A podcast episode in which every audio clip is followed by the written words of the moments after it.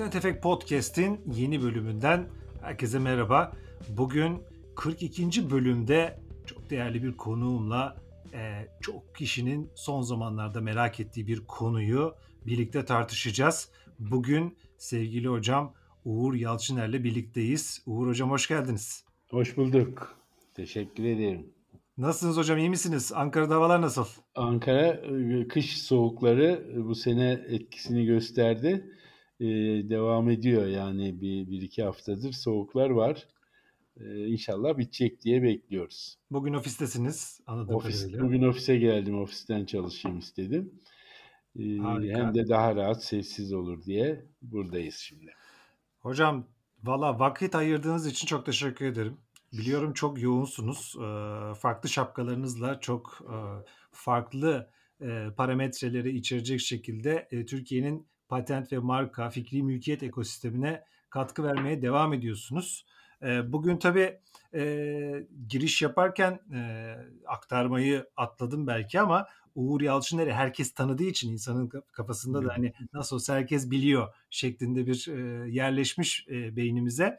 Uğur Yalçıner, e, Yalçıner Patent'in kurucusu ve aynı zamanda yönetici ortağı ve aynı zamanda da Patent ve Marka Vekilleri Derneği'nin de başkanlığını yürütüyor. O yüzden dedim hani farklı farklı şapkalarla ki kendiniz de siz de söyleyeceksiniz zaten e, Türkiye'nin fikri mülkiyet, sanayi mülkiyet artık adına ne koyarsak e, bu konudaki kapasite gelişimini ve farklı kanun ve yönetmelikler açısından da oldukça e, en başından beri e, müthiş katkılar veriyorsunuz hocam. E, dilerseniz ben hani e, size anlatmak yerine bir Uğur Yalçıner kimdir? E, herkes tanıyor sizi ama dinleyicilerimiz açısından da bir güncelleme olması e, bakımından bir e, sizden e, dinleyebilirsek hocam. Uğur Yalçıner kimdir? Patent konusuna ne zaman nasıl çalışmaya başladı ve şu anda neler yapıyor ve gelecekte neler yapmayı planlıyor? Bir kısa bir giriş yapalım. Çok teşekkür ederim Mustafa. Gerçekten e, güzel ve özel bir konu seçmişsin. Ben de bu konunun içinde başından beri sürekli yer aldığım için hem gelişmeleri hem bugünkü durumu hem de geleceği çok güzel tartışabileceğimiz bir program olduğunu düşünüyorum.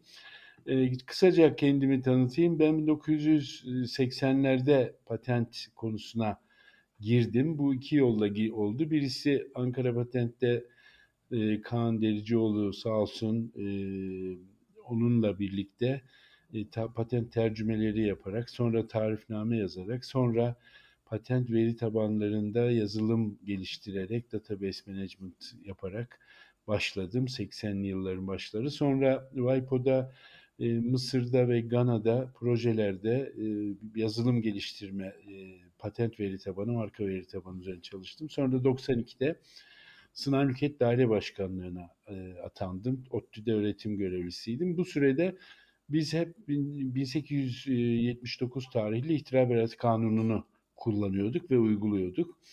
E, dolayısıyla o dönemden bugüne 92'de Sınav Mülkiyet Daire Başkanı olunca 94'te Türk Patenti kurup 95'te tüm mevzuatı yürürlüğe koyduktan sonra tabii birçok arkadaşla birlikte bugünlere geldik. Halen Yalçıner Patent'in kurucu ve yönetici ortağıyım. Aynı zamanda da Patent Marka Vekilleri Derneği Başkanlığı'nda yürütüyorum.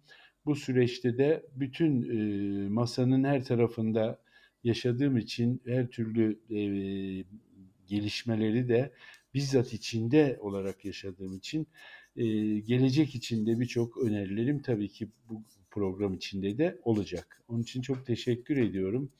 E, fazla e, girişi uzatmadan konuya geçelim istiyorum. Harika, harika hocam müthiş. Yani biz kısa şortlarla dolaşırken siz fikri mülkiyet e, kanunları, e, kanun hükmünde kararnamelerle birlikte aslında Türkiye'nin yolculuğuna e, bu anlamda start vermiştiniz. O anlamda hani biz hep söylüyorum hani biz bu işi sizlerden öğrendik hocam. Yani dolayısıyla e, sizlerin bu ta o senelerden bu yana gösterdiğiniz katkılar, verdiğiniz emekler e, bugün görüyoruz ki ekosistemin canlandığını, e, global ekosistemlerle e, yarışacak düzeyde tam olmasak da o yolculuğa doğru gittiğimizi görebiliyoruz ki son zamanlarda da aslında patent vekilliği ki bugünkü konumuz patent vekilliğinin 5'en 1K'sı e, her yönüyle bu konuyu değerlendireceğiz. Son zamanlarda benim kişisel gözlemim naçizane patent vekilliği ile ilgili ilgi, talep özellikle mühendislik tarafında, ARGE tarafındaki e, profesyoneller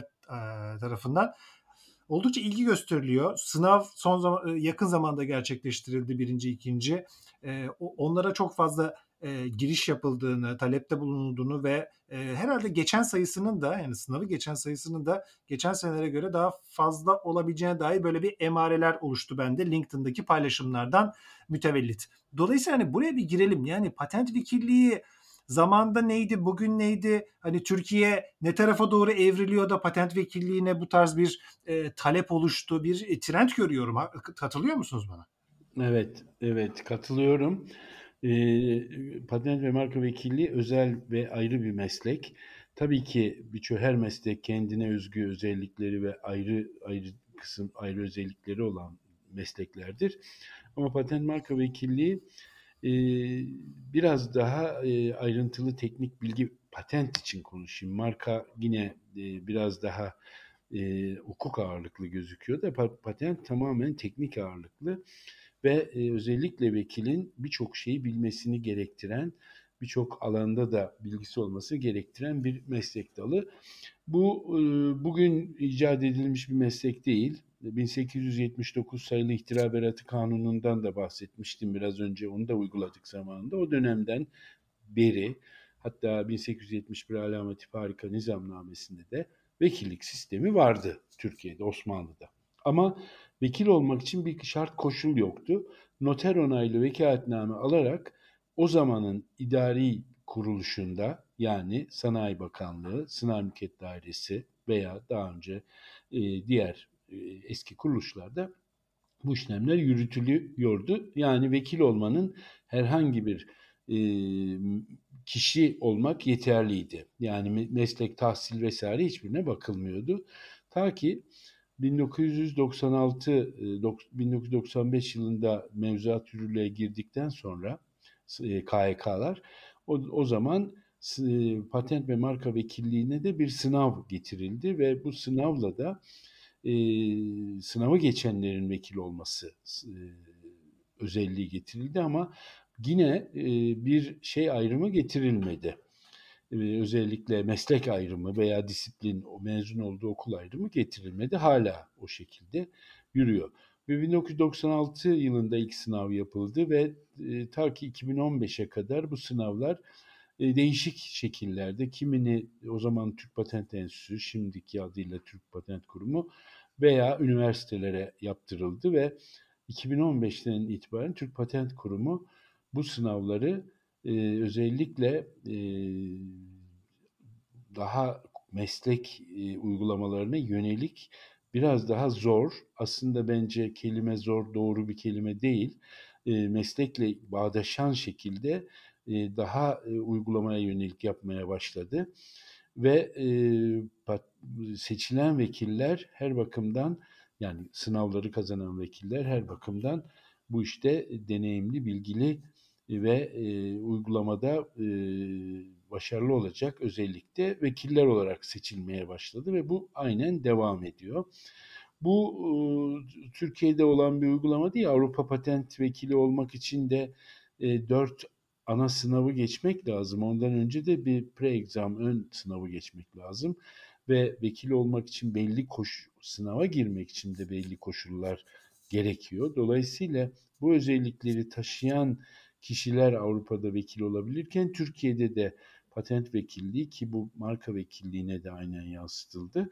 E, sınavları daha e, konuyla ve e, meslekle yakın ilgili ve özellikle de uygulamadan sorularla e, artık yeni seçilen vekiller e, Avrupa'da nasıl bir sınav geçmiş vekiller var, bir grandfather vekiller var, otomatik vekiller. Türkiye'de de artık 2015'ten sonra çok e, baş, e, sınavları geçmiş vekiller devreye girdi. Bu neden önemli? Çünkü patent işi, e, her iş zaten vekaleten yürütülen iş ayrı bir özellik taşır.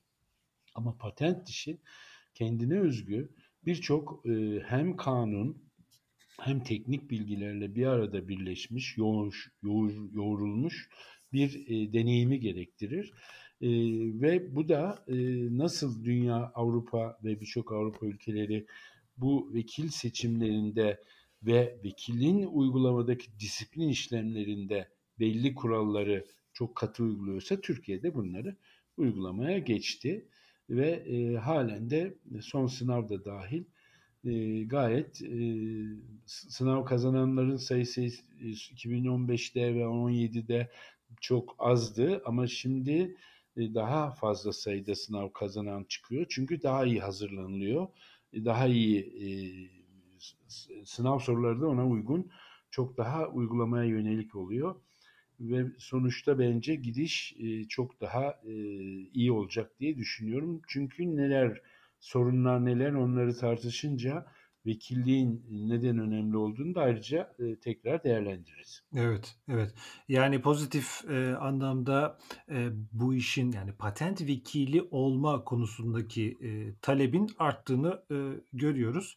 Peki e, artış var e, çünkü bir yandan da aslında sizin de başkanlığınız yap, başkanlığını yaptığınız dernek Patent ve e, Marka Vekilleri Derneği'nin de bu sınava özel eğitimlerinin de artış gösterdiğini görüyorum. Hani farklı platformlarda, farklı kurumlar da bu konuda eğitim vermeye başlıyorlar. Orada da bir sayıda bir artış var. Arzda da var artış aslında.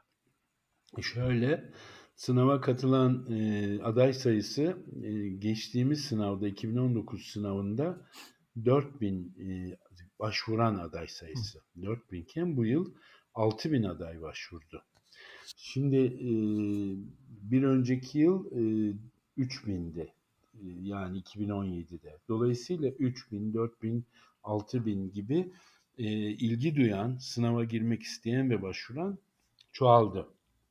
Ama sınava kazananların sayısı e, markada son sayıyı bilmiyorum ama e, 150 civarı olduğunu e, düşünüyorum. Çünkü ikinci sınava giren 200 küsür aday vardı markada.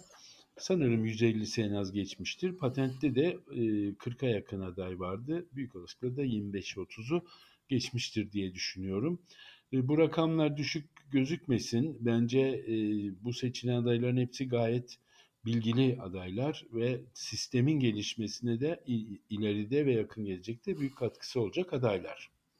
Peki hocam bir yani bir mühendis, bir avukat, bir ARGE e, profesyoneli ya da tamamen kendi işini yapmak isteyen birileri de olabilir. Neden patent vekili olmak istiyorlar? Yani neden bu belge e, bu kadar önemli hale geldi e, noktada? Yani ne, neden bu belgeye ihtiyaç duyuyoruzu bir ifade etmek lazım bence. Şimdi birkaç neden ileri ya da neden düşünebiliriz. Bir tanesi özel bir meslek yani e, herkesin hemen olamayacağı bir meslek. Onun için belki istiyor insanlar. İkincisi bazı kişiler kendi mesleklerini yani ben de onlardan biriyim makine mühendisiyim ama makine mühendisliğini hemen hemen hiç yapmadım. Hep farklı şeyler yaptım. Yazılımcılık yaptım. Sonra patent işlerine bulaştım. Sonra bu işlerle devam ettim. Böyle kendi mesleğini e, yapmak istemeyen üniversite mezunları bu mesleğe de yapabiliriz diye düşünerek girebiliyor.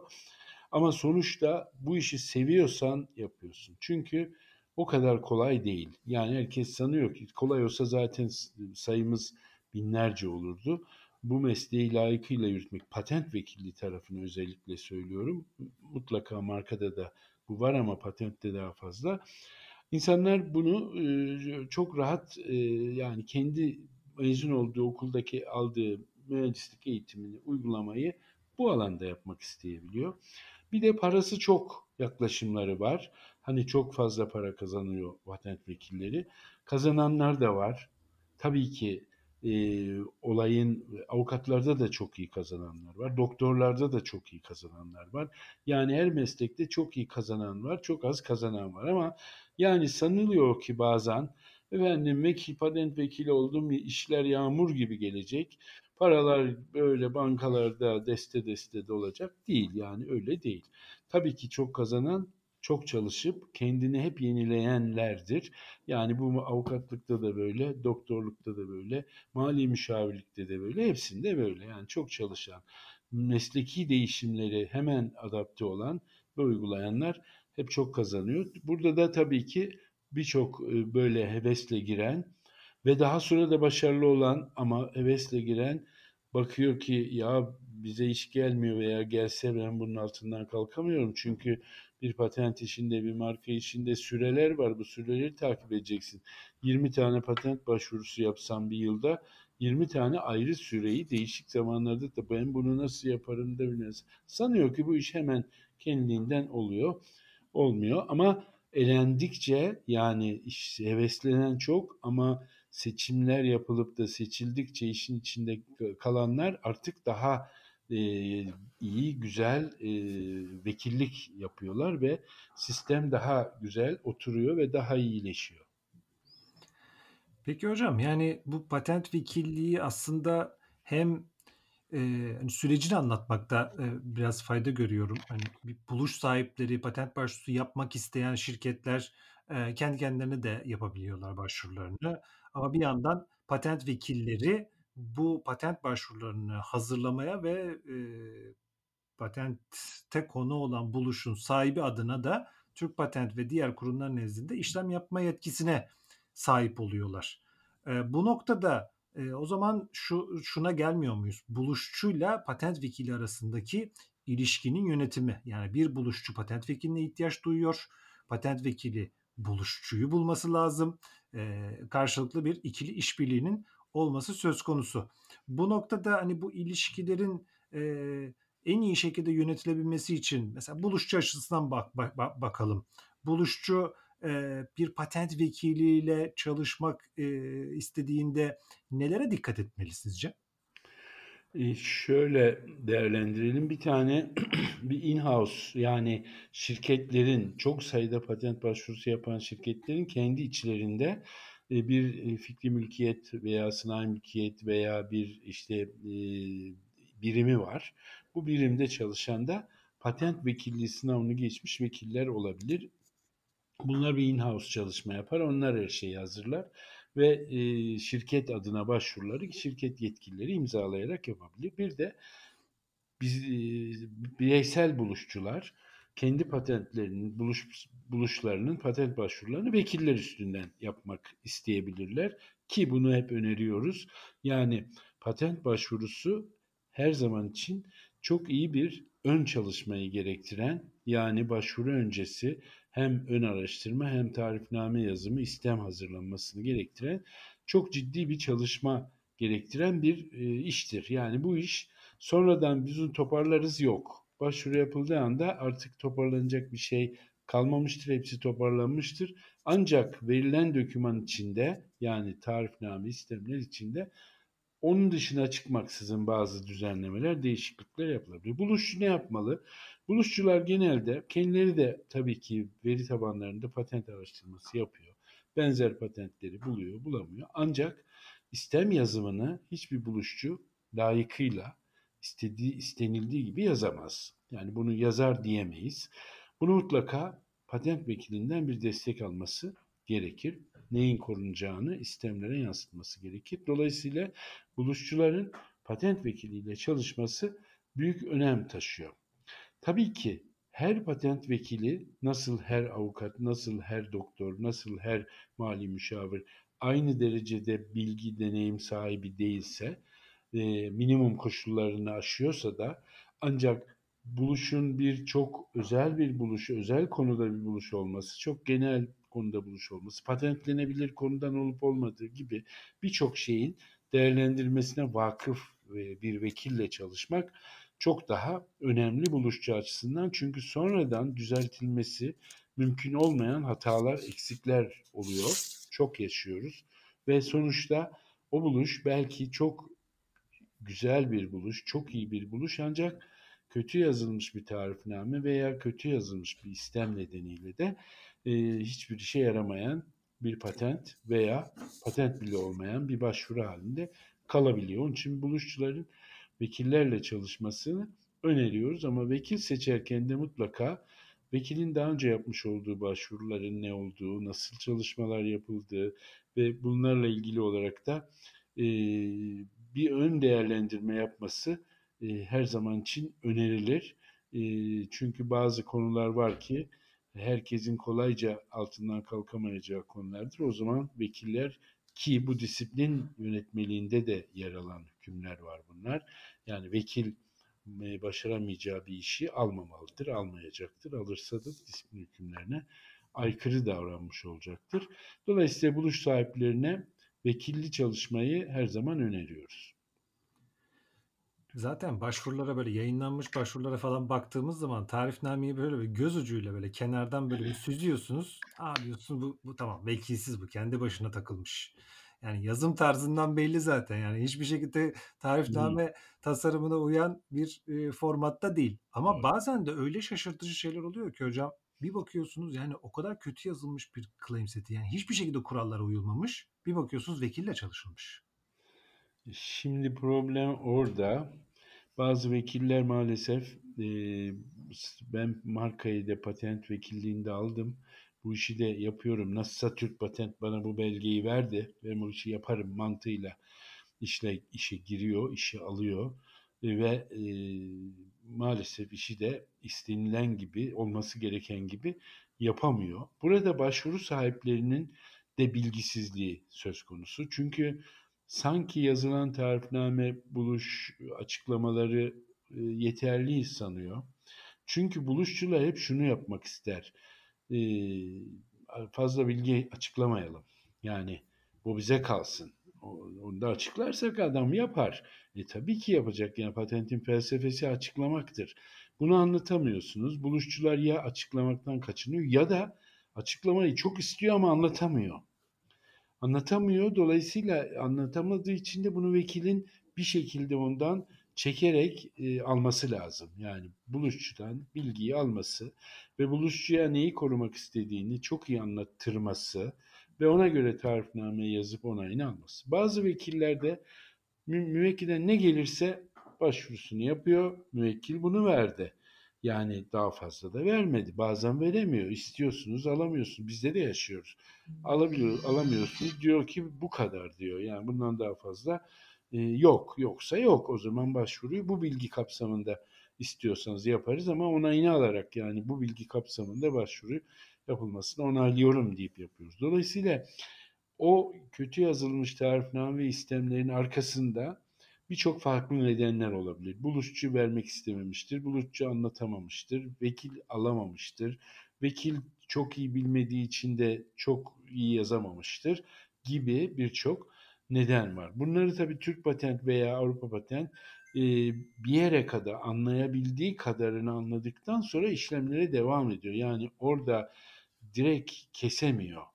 Kes, kes, yani tamamen çok eksik 3, 1, 2, 3, 5 satır bir tarifnameyi tabii ki bir şekilde iş, ilerletemez ama orada ufak da bir bilgi olsa varsa ona göre bir rapor düzenleyip bitiriyor işlemi veya devam edebilirse edebiliyor. O nedenle e, vekillik sistemi içinde mutlaka e, çok e, vekillerin kendilerini sürekli yenilemeleri özellikle kritik noktalar açısından yani hassas neler noktalarına neler araştırma raporu ona cevaplar inceleme raporu inceleme raporuna cevaplar ki bu başvuru sorusu. Başvuru öncesi de istemlerin yazımı, tarifnamenin yazımı. Bazen deniyor ki efendim bu, bu yeter bu kadar bilgi tarifnameye. Diyorum ki daha çok yazın. Yani tarifnamede destan da anlatabilirsiniz. Belki onun bir paragrafıdır buluş. Ama o buluşu anlattıktan sonra ben istemi ona göre yazarım. Diğer tarafı işe yaramayabilir belki ama ya olumsuz bir rapor alırsam geri dönüp o tarifname içindeki bilgilerden ben istemlerimi yeniden düzenleyip patent almaya gidebilirim. Dolayısıyla buluşla ilgili birçok şeyin yazılmasını biz hep isteriz. Ki biz sonradan onları tekrar kullanabilme imkanını sağlayalım. Yazmazsak dışarıdan bilgiyi ekleyemiyoruz. Dolayısıyla bunlar da e, önemli e, hassas noktalar. Çünkü tarifnamede vermediğimiz bir bilgiyi istemlere Alamayız. koyamıyoruz. Bu bilgiyi de mesela buluşçu kendi başına bilmediği zaman çok eksik bir e, başvuru dokümanı olmuş olabilir. Oluyor ve dönüşü de olmuyor. Evet. Eee, peki hocam, yani, şimdi mesela buluşacağız, hadi corporate büyük şirketleri bir kenara bırakırsak, hani, onlar, eee, portföy yönetiyorlar stratejik olarak. Çünkü ya zaten ticari bir ürünleri de, eee, var, eee, portföylerinde. Ama böyle bireysel buluşçular ya da girişimciler için de aynı şeyi söyleyebiliriz. Bir patent başvurusu hazırlığı içerisine girdikleri zaman böyle standart bir Google search ile bakıp, hani, en çok reklam verene takılıyorlar. Yani daha, daha, doğrusu şöyle yetkin yani patent vekilinin yetkinliğini analiz etme konusunda da yetersiziz. Buluşçular veya girişimciler olarak ya da küçük şirketler, kobiler olarak da. Bu noktada e, hep bir ben şeyi öneriyorum. Yani buluşunun konusu e, alanında uzman bir vekille çalış. Yani patent vekili olması bir kenara ilaç yazdırıyorsan işte kimya mühendisi olsun, o alanda uzman bir e, background'u olsun. E, tercihen yüksek lisans, doktora ne ala olursa. Hani bu açıdan e, bu bu şekilde bir çalışma mantalitesi genelde e, yurt dışında görüyoruz. Hani patent vekilleri biraz böyle e, bölümlere ayrılmış durumda. Kimisi mesela sadece software patent üzerine çalışıyor. Kimisi sadece ilaç çalışıyor. Kimisi sadece diyor ki ben diyor semiconductor'dan başka bir şey çalışmam diyor yarı iletkenler dışında. Türkiye'de genelde durum nasıl patent vekil şirketleri açısından bu, bu bakımdan? Türkiye'de böyle bir ayrım şu anda yok. Hı hı. Yani her şirket, daha doğrusu her vekil diyelim, kimi vekil şirketler çok sayıda vekil çalıştıran vekil şirketler var. Kimi de tek başına çalışan vekiller var. Bir iş ayrımı genelde yapmıyorlar.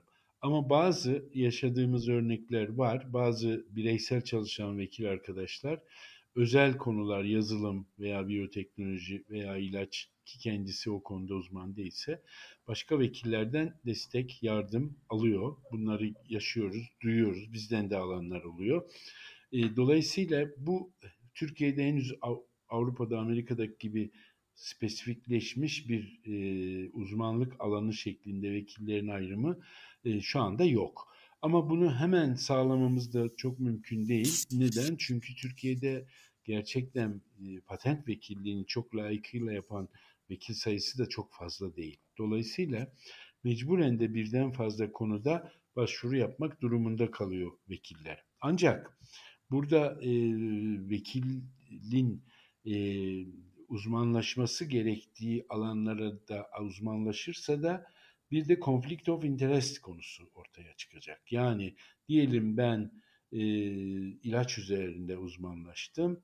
İlaç firmalarından biri ikisi birbirleriyle konflikte olmayanlarla çalışmak durumum doğuyor ve rakiplerin işini alamıyorum. Çünkü patent hakikaten uzmanlık ve özellikle teknolojik bilgi gerektiren konu olduğu için e, çok daha önemli. Yani markada bir ilaç firmasının bir markasıyla öbürleşmenin markalarını alıp yaparsınız belki.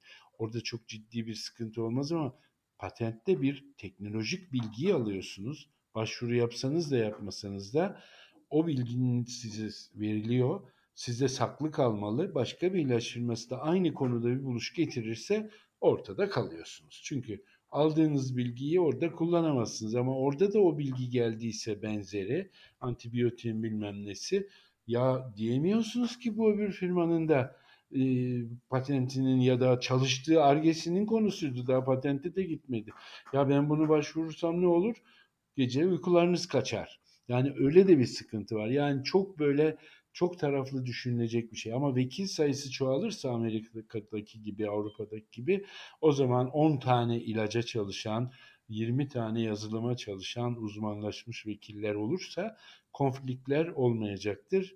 Dolayısıyla e, daha rahat yürüyecek. Ama Türkiye ona henüz gelemedi. Ama bunu da hemen bekleyemeyiz. Ancak Türk Patent'in sınavlardaki e, yapmış olduğu uygulama e, az sayıda vekil kazanıyor ama hep iyi, iyi vekiller kazanıyor ve değişik tabii ki disiplinlerden olacak ve bu uzmanlaşma belki 5 belki 10 sene sonra uygulamaya girecek. Türkiye'de de kendiliğinden olacak. Yani bunu yapmak yani metazori yapamazsınız. Sen makine mühendisi Nur Bey sen makineye bak.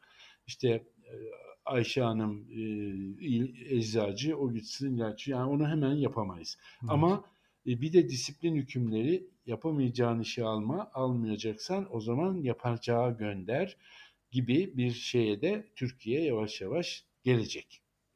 Ama en azından buluş sahipleri için de konunun uzmanıyla yani Doğru. o alanda background'u o, o teknik alanda olan vekili seçme konusunda da onlara da bir görev düşüyor diyebiliriz. Bur, burada bir şey daha çok önemli. İşte Google Search yapılıyor. Google Search'ten buluyor. Fiyata da bakıyor 3-5 taneden. Şu iyidir diyor gidiyor. Bakacağı şey sadece fiyat değil. Yani onu düşünemiyor. Niye? Şimdi fiyat değil derken Google'da siz Google Search'te bugün Türkiye'de en tane bir patent başvurusu yapacağım diye araştırın en tane firma önünüze çıkar. İnternet sitesi önünüze çıkar. Bunların yüzde sekseni vekil değil. Şimdi bunu bilemiyor. Çünkü bakacaksın bilmiyor tabii bunu bizim öğretmemiz lazım. Bulduğu kişi vekil mi? Yani ben bugün bir avukat ararsam internetten aramam. Nereden ararım? Barodan ararım veya sağıma soluma sorarım. Doktor ihtiyacı olursa yine sağıma soluma internetten bakmam. Ama vekillikte bu internetten bakıp buluyor bulduğu vekil olmayan bir şirkete gidiyor anlatıyor her şeyini. Hiçbir sorumluluğu yok. Disiplin hükümleri kapsamında cezai sorumluluğu dahi yok şeyin e, internette vekil olmayan birisinin. Her şeyi anlatıyor. O kişi de bir vekille anlaşmış, sicile kayıtlı. Ona işi yaptırıyor. İşte iyi ya da kötü yapılıyor. Ee, internetten o e, vekili bulan buluşçu da işin çok iyi yapıldığını sanıyor. Böylece ömrü geçiyor. Sonra patenti ya alamıyor ya alıyor, işine yaramaz halde alıyor. Bu arada buluşun özelliği ömrü kaç, e, bitiyor vesaire. Sonuçta buluşlar heba oluyor.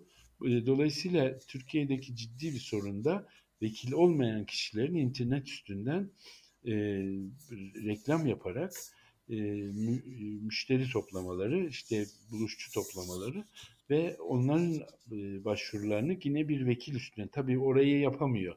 Ve Türk Patent'e mutlaka vekil üstünden baş, vekille başvurmak lazım. Ama şunu da yapabiliyor. Efendim zaten ne ki E-Devlet'ten girer yaparsınız. E-Devletinizi verin biz yapalım yapanlar da var. Dolayısıyla E-Devlet'ten giriyor. Kim başvurdu? Buluşçu. Öbür kişi yok ortada. Yani ispatlayamazsın ki. Çok kötü yazılmış tarifine. Kim yazdı? Buluşçu. E, her şeyin sorumlusu kim? Buluşçu. Patent öldü. Kim sorumlu? Buluşçu. Sonra da efendim bu vekil geliyorlar bize tabii PEME'de veya başka yere. Ya bu vekile biz gittik de böyle böyle oldu. E olur çünkü o vekil değil. yani sen gidiyorsun sıradan sokakta bir adama başım ağrıyor diyorsun. O sana bir ilaç veriyor. İlaç da işe yarıyor, yaramıyor. Ölüyorsun, ölmüyorsun. Onun gibi bir şey bu.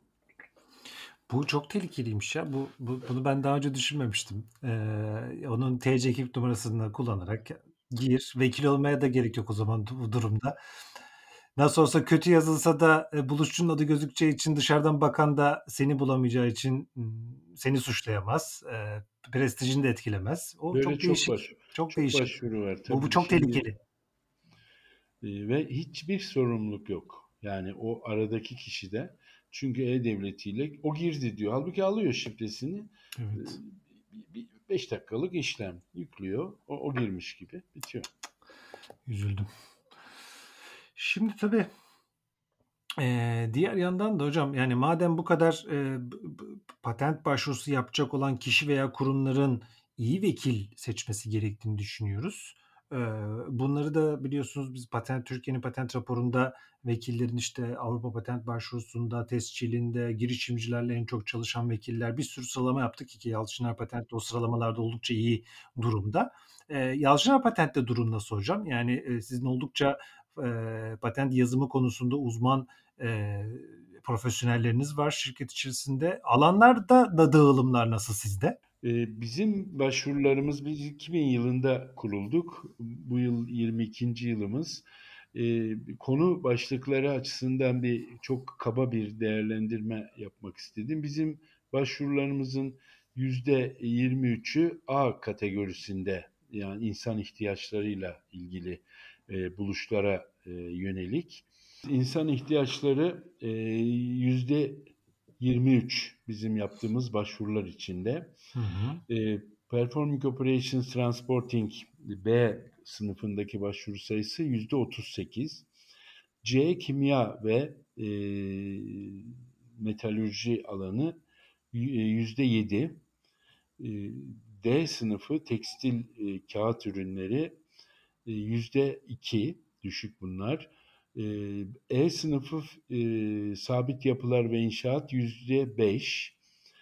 E, F sınıfı Mechanical Engineering Lighting yüzde on iki ve G sınıfı fizik yüzde on bir ve elektrik yüzde dört toplam başvurular içinde bizim yaptığımız. Dolayısıyla e, maksimum sayı A, B e, içinde yer alıyor. Yüzde 23 ve yüzde 38 ile e, bizim başvurularımız. Şimdi e, tabii ki bizim bünyemizde hem kimya, makine zaten ben varım, elektrik ve işte fizik e, alanında arkadaşlar var, mühendisler var. Onların tabii eğitimlerini de tamamlıyoruz e, gerektiği, her zaman ve büyük şirketlerde birden çok alanda başvuruların yapılması çok makul. Birçok yerde bunu görüyoruz. Birçok firmada da görüyoruz. Bizde de çok çeşitli başvurular var. Sonuçta tek başına çalışan vekiller için bazı alanlarda buluşların tarifname hazırlanması, istem hazırlanması e, kimi zaman zor e, olabilir. E, dolayısıyla o tür işlemlerde de yine onlar da duyduğum kadarıyla bir kısmından bizzat yaşıyoruz. Dışarıdan destek alıyorlar ve başvuruları o şekilde yürütüyorlar. Nasıl destek alıyor? Tarifname istem yazımında alıyor. Rapora cevap yazma aşamasında alıyor ve veya inceleme raporuna cevap yazma aşamasında hizmet alıyorlar. Çok iyi. Yani oranlarınızda baktığımız zaman hocam %60'ın üzerine totalde, kümülatifte insan ihtiyaçları ve transportation yani ulaşım sektörünü e, domine ediyor sizin e, başvurular gördüğüm kadarıyla. İşte medical, medikal teknolojiler, ilaç e, ve otomotiv sektörü ya da bunun içerisinde savunma tarafında da belki girebilir. Çünkü mekanik de %12. E, bu alanlarda oldukça fazla başvuru yapıyorsunuz gözüken o istatistiklerden. Dolayısıyla bir önceki konuştuğumuz konu işte buluşçu buluş buluşu için patent başvurusu hazırlarken çalışacağı vekille hangi, hangi alanlarda fazlaca çalışmalar yapmış, hangi alandaki patent başvurularını üstlenmiş bunları böyle incelemesinde oldukça yarar var. E, bu saydığım, verdiğim rakamlar, yüzdeler sadece first filing olan yani tarifname sistem hazırlamayla başlamış olan başvurular. Tabii ki e, bunların dışında validasyonlar, PCT'den gelen başvurular, onlar hariç, onlar bunun içinde yok. Hı hı, hı. Bir de şeyler de oluyor tabii. El değiştirmeler de oluyor. Hani belli bir süreçten sonra tabii, tabii. size gelenler de olabilir. Onlar Aynen da... öyle. Başkasının başvurup yapıp sonra bize gelenler de oluyor. Birçok çeşit var burada. Bunlar bunlar burada yazmıyor tabii bunların süper, dışında. Süper. Ee, tabii Türkiye'deki e, şeyi de yani sektörel anlamdaki inovasyon gelişimlerine de bakmak lazım. Bu rakamlar önümüzdeki dönemde daha da artar diye düşünüyorum. Ee, hem girişimcilik ekosistemimizin artmasıyla birlikte yepyeni teknolojiler geliştiren şirketler ortaya çıkıyor ki Türkiye'nin patent raporunda startuplarla en çok çalışan e, patent vekillerinden bir tanesisiniz ki İTÜ ile ortaklığınız var oradaki girişimcileri destekliyorsunuz. Bir de evet. hani son bitirirken de bu e, girişimcilik ekosistemindeki e, kıpırdanmayı ve o o e, onların da geliştirdiği yeni teknolojilere patent başvurusu yapma konusundaki bilincini nasıl görüyorsunuz? E, girişimci ekosistemi içinde e, biz aslında İTÜ'ye, ODTÜ'ye e, desteklerimizi veriyoruz her yıl. E, ama buluşların önemli bir kısmı yazılım esaslı olduğu için girişimcilerde onlar çok fazla e, patent e, talepleri çok gelmiyor. Çünkü e, hızlı bir sektör. Hem yazılımın korunmasındaki sorunlar açısından filan ama yazılım dışı e, buluşları olan e, girişimcilerde ciddi bir e, patentle koruma talebi var. Biz bunları destekliyoruz. E, yani bu tür başvuruları yapmalarının kendilerinin en azından ilerisi için güvence altına alma açısından destekliyoruz. E, ama tabii girişimcilerin böyle İTÜ ve ODTÜ gibi destekçilerinin ol, olmadığı durumlarda e, çok sıkıntı çektiklerini de yaşıyoruz. Çünkü e, finans önemli sorun. Evet. E, tabii İTÜ ve ODTÜ'nün destekleri de seçici bir destek. Yani herkesin başvurusuna destek olalım durumu yok. Çünkü orada da bir seçicilik var. Ön araştırması yapılıyor. Patentlenebilirliği, ticarileşebilirliği, patentlenebilirliğinin de ötesinde bazen ticarileşebilir olmak ve hızlı ticarileşebilir olmak da tercihler altında olabiliyor. Dolayısıyla ama girişimcilerin patent bilinçleri her yıl ki biz özellikle 2000 yılında kurulduk ama 2007'den beri e, ODTÜ ve daha sonra İTÜ'nün oluşturduğu girişimci destek programlarının hep içindeyiz. E, son zamanlarda girişimcilerin çok daha fazla koruma e, taleplerinin olduğu ve daha bilinçli olduklarını da gözlüyoruz.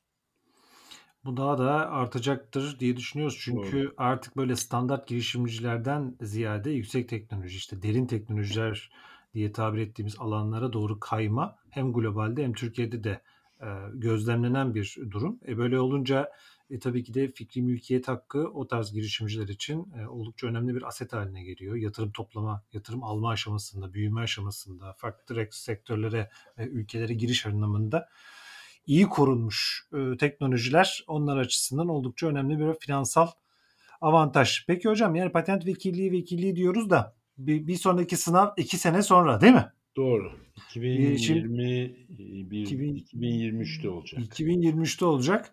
E, dolayısıyla hani kapatırken belki hem bizi dinleyenler hem de dinleyecek olan diğer e, adaylar için e, patent vekilliği ne hazırlananlara neler tavsiye edebiliriz? E, hangi kaynakları ya da hangi e, noktaları e, biraz daha kurcalamalarını önerebiliriz. Hem bunu hem Yalçıner patent kimliğinizle hem de PEM kimliğinizle yanıtlayabilirsiniz hmm. bence. Özellikle e, şimdi patent vekili olmak isteyenler için e, ayıralım konuyu. Bir de patent e, vekilliği ile ilgili çalışma yapanlar veya hiç çalışma yapmamış olanlar için ikiye ayıralım. Çalışmaya hiç yapmamış olanların e, gidecekleri çok yol var patent vekili olmak için. Yani e, her ne kadar e, sistem bir e, üniversite hangi üniversite veya hangi bölüm olduğunu ayırmıyor. Dört yıllık okul mezunu olmak yeterli diyorsa da mutlaka teknik background'unun olması önemli gerekiyor. Çünkü uygulamada buna çok ihtiyaç oluyor. Sınavda da oluyor tabii. Ee, ve işin içinde olmak önemli. Yani sınavda sorulan soruların hepsi uygulamadan geliyor. Uygulamayla ilgili ve kanunun uygulaması ve kanunda yazmayan iştihatların uygulamasıyla ilgili. Dolayısıyla bunları sürekli e, takip etmeleri lazım. Yani bir vekil ofisinde veya bir şirketin e, patent e, bölümünde çalışmıyorlarsa zor. Çünkü bunu yaşamaları gerekiyor. Ee, ama hiç vekillikle, patentle ilgisi olmayan birilerinin ben patent vekili olacağım diye sınava girmeleri için e, mutlaka e, sınav mülkiyet kanununu, yönetmeliğini baştan aşağı okuyup uygulamaları takip edip eğitimler, seminerler, toplantılar bunlar yapılıyor. PEM de yapıyor bunları. Fikri Mülkiyet Hakları Koruma Derneği eğer PPI de yapıyor, FİKBİ de yapıyor. Değişik seminerler yapılıyor. Bunları takip etmeleri ve bu seminerlere katılıp e, insanlarla tanışmaları ve birebir e, sohbetlerde vekilliğin neler, e, kendilerini ne, şekilde yenilemeleri gerektiğini mutlaka tartışarak öğrenmeleri bu da mümkün. Yani e, vekil ofislerinde çalışmayanlar biraz daha fazla zaman ayıracak ama vekil ofislerinde çalışanlar da her şeyi mutlaka okuyacak. Özellikle bu patent e, vekilliği ile ilgili Avrupa Patent Ofisi'nin e, guideline'ları var. Yani her case ile ilgili, olayla ilgili onları takip edecek. Zaten Türkiye'de de yazılı olarak mevzuatımızda olmasa da Avrupa Patent üyesi olduğumuz için Türkiye'de de bu guideline'lardaki her türlü e, uygulama bizde de aynen uygulanıyor. Harika. Yani aslında e, bir firmada mühendis olarak çalışıp aslında patent süreçlerini yöneten biri e, title anlamında artık tecrübesini sertifikalandırmak için patent vekilliği sınavına girebilir. E, ama diğer tarafta hani sadece böyle hani sınav geçip böyle sertifika cenneti haline getirip kendisini ama uygulamada hiçbir pratiği olmadan da bu işleri yapmak da e, çok sağlıklı sonuçlar vermiyor sektörde.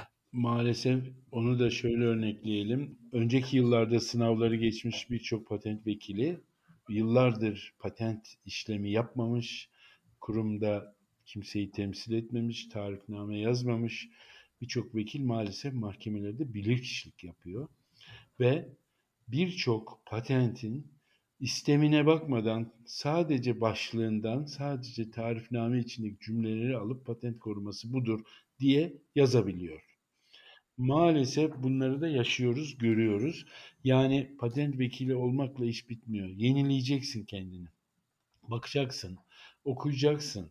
Yani hata da yapabilir herkes. Onları düzelteceksin. Düzeltmek için gerekli bilgi birikimine gidecek. Ben mahkeme beni bilir kişi seçti. Hakim de niye seçiyor? Patent marka vekili bir arkadaş. Türk patentinin sınavını geçmiş 15 sene önce. Hı hı. 15 senedir de patentin P'sini görmemiş ama vekillik sınavını geçmiş.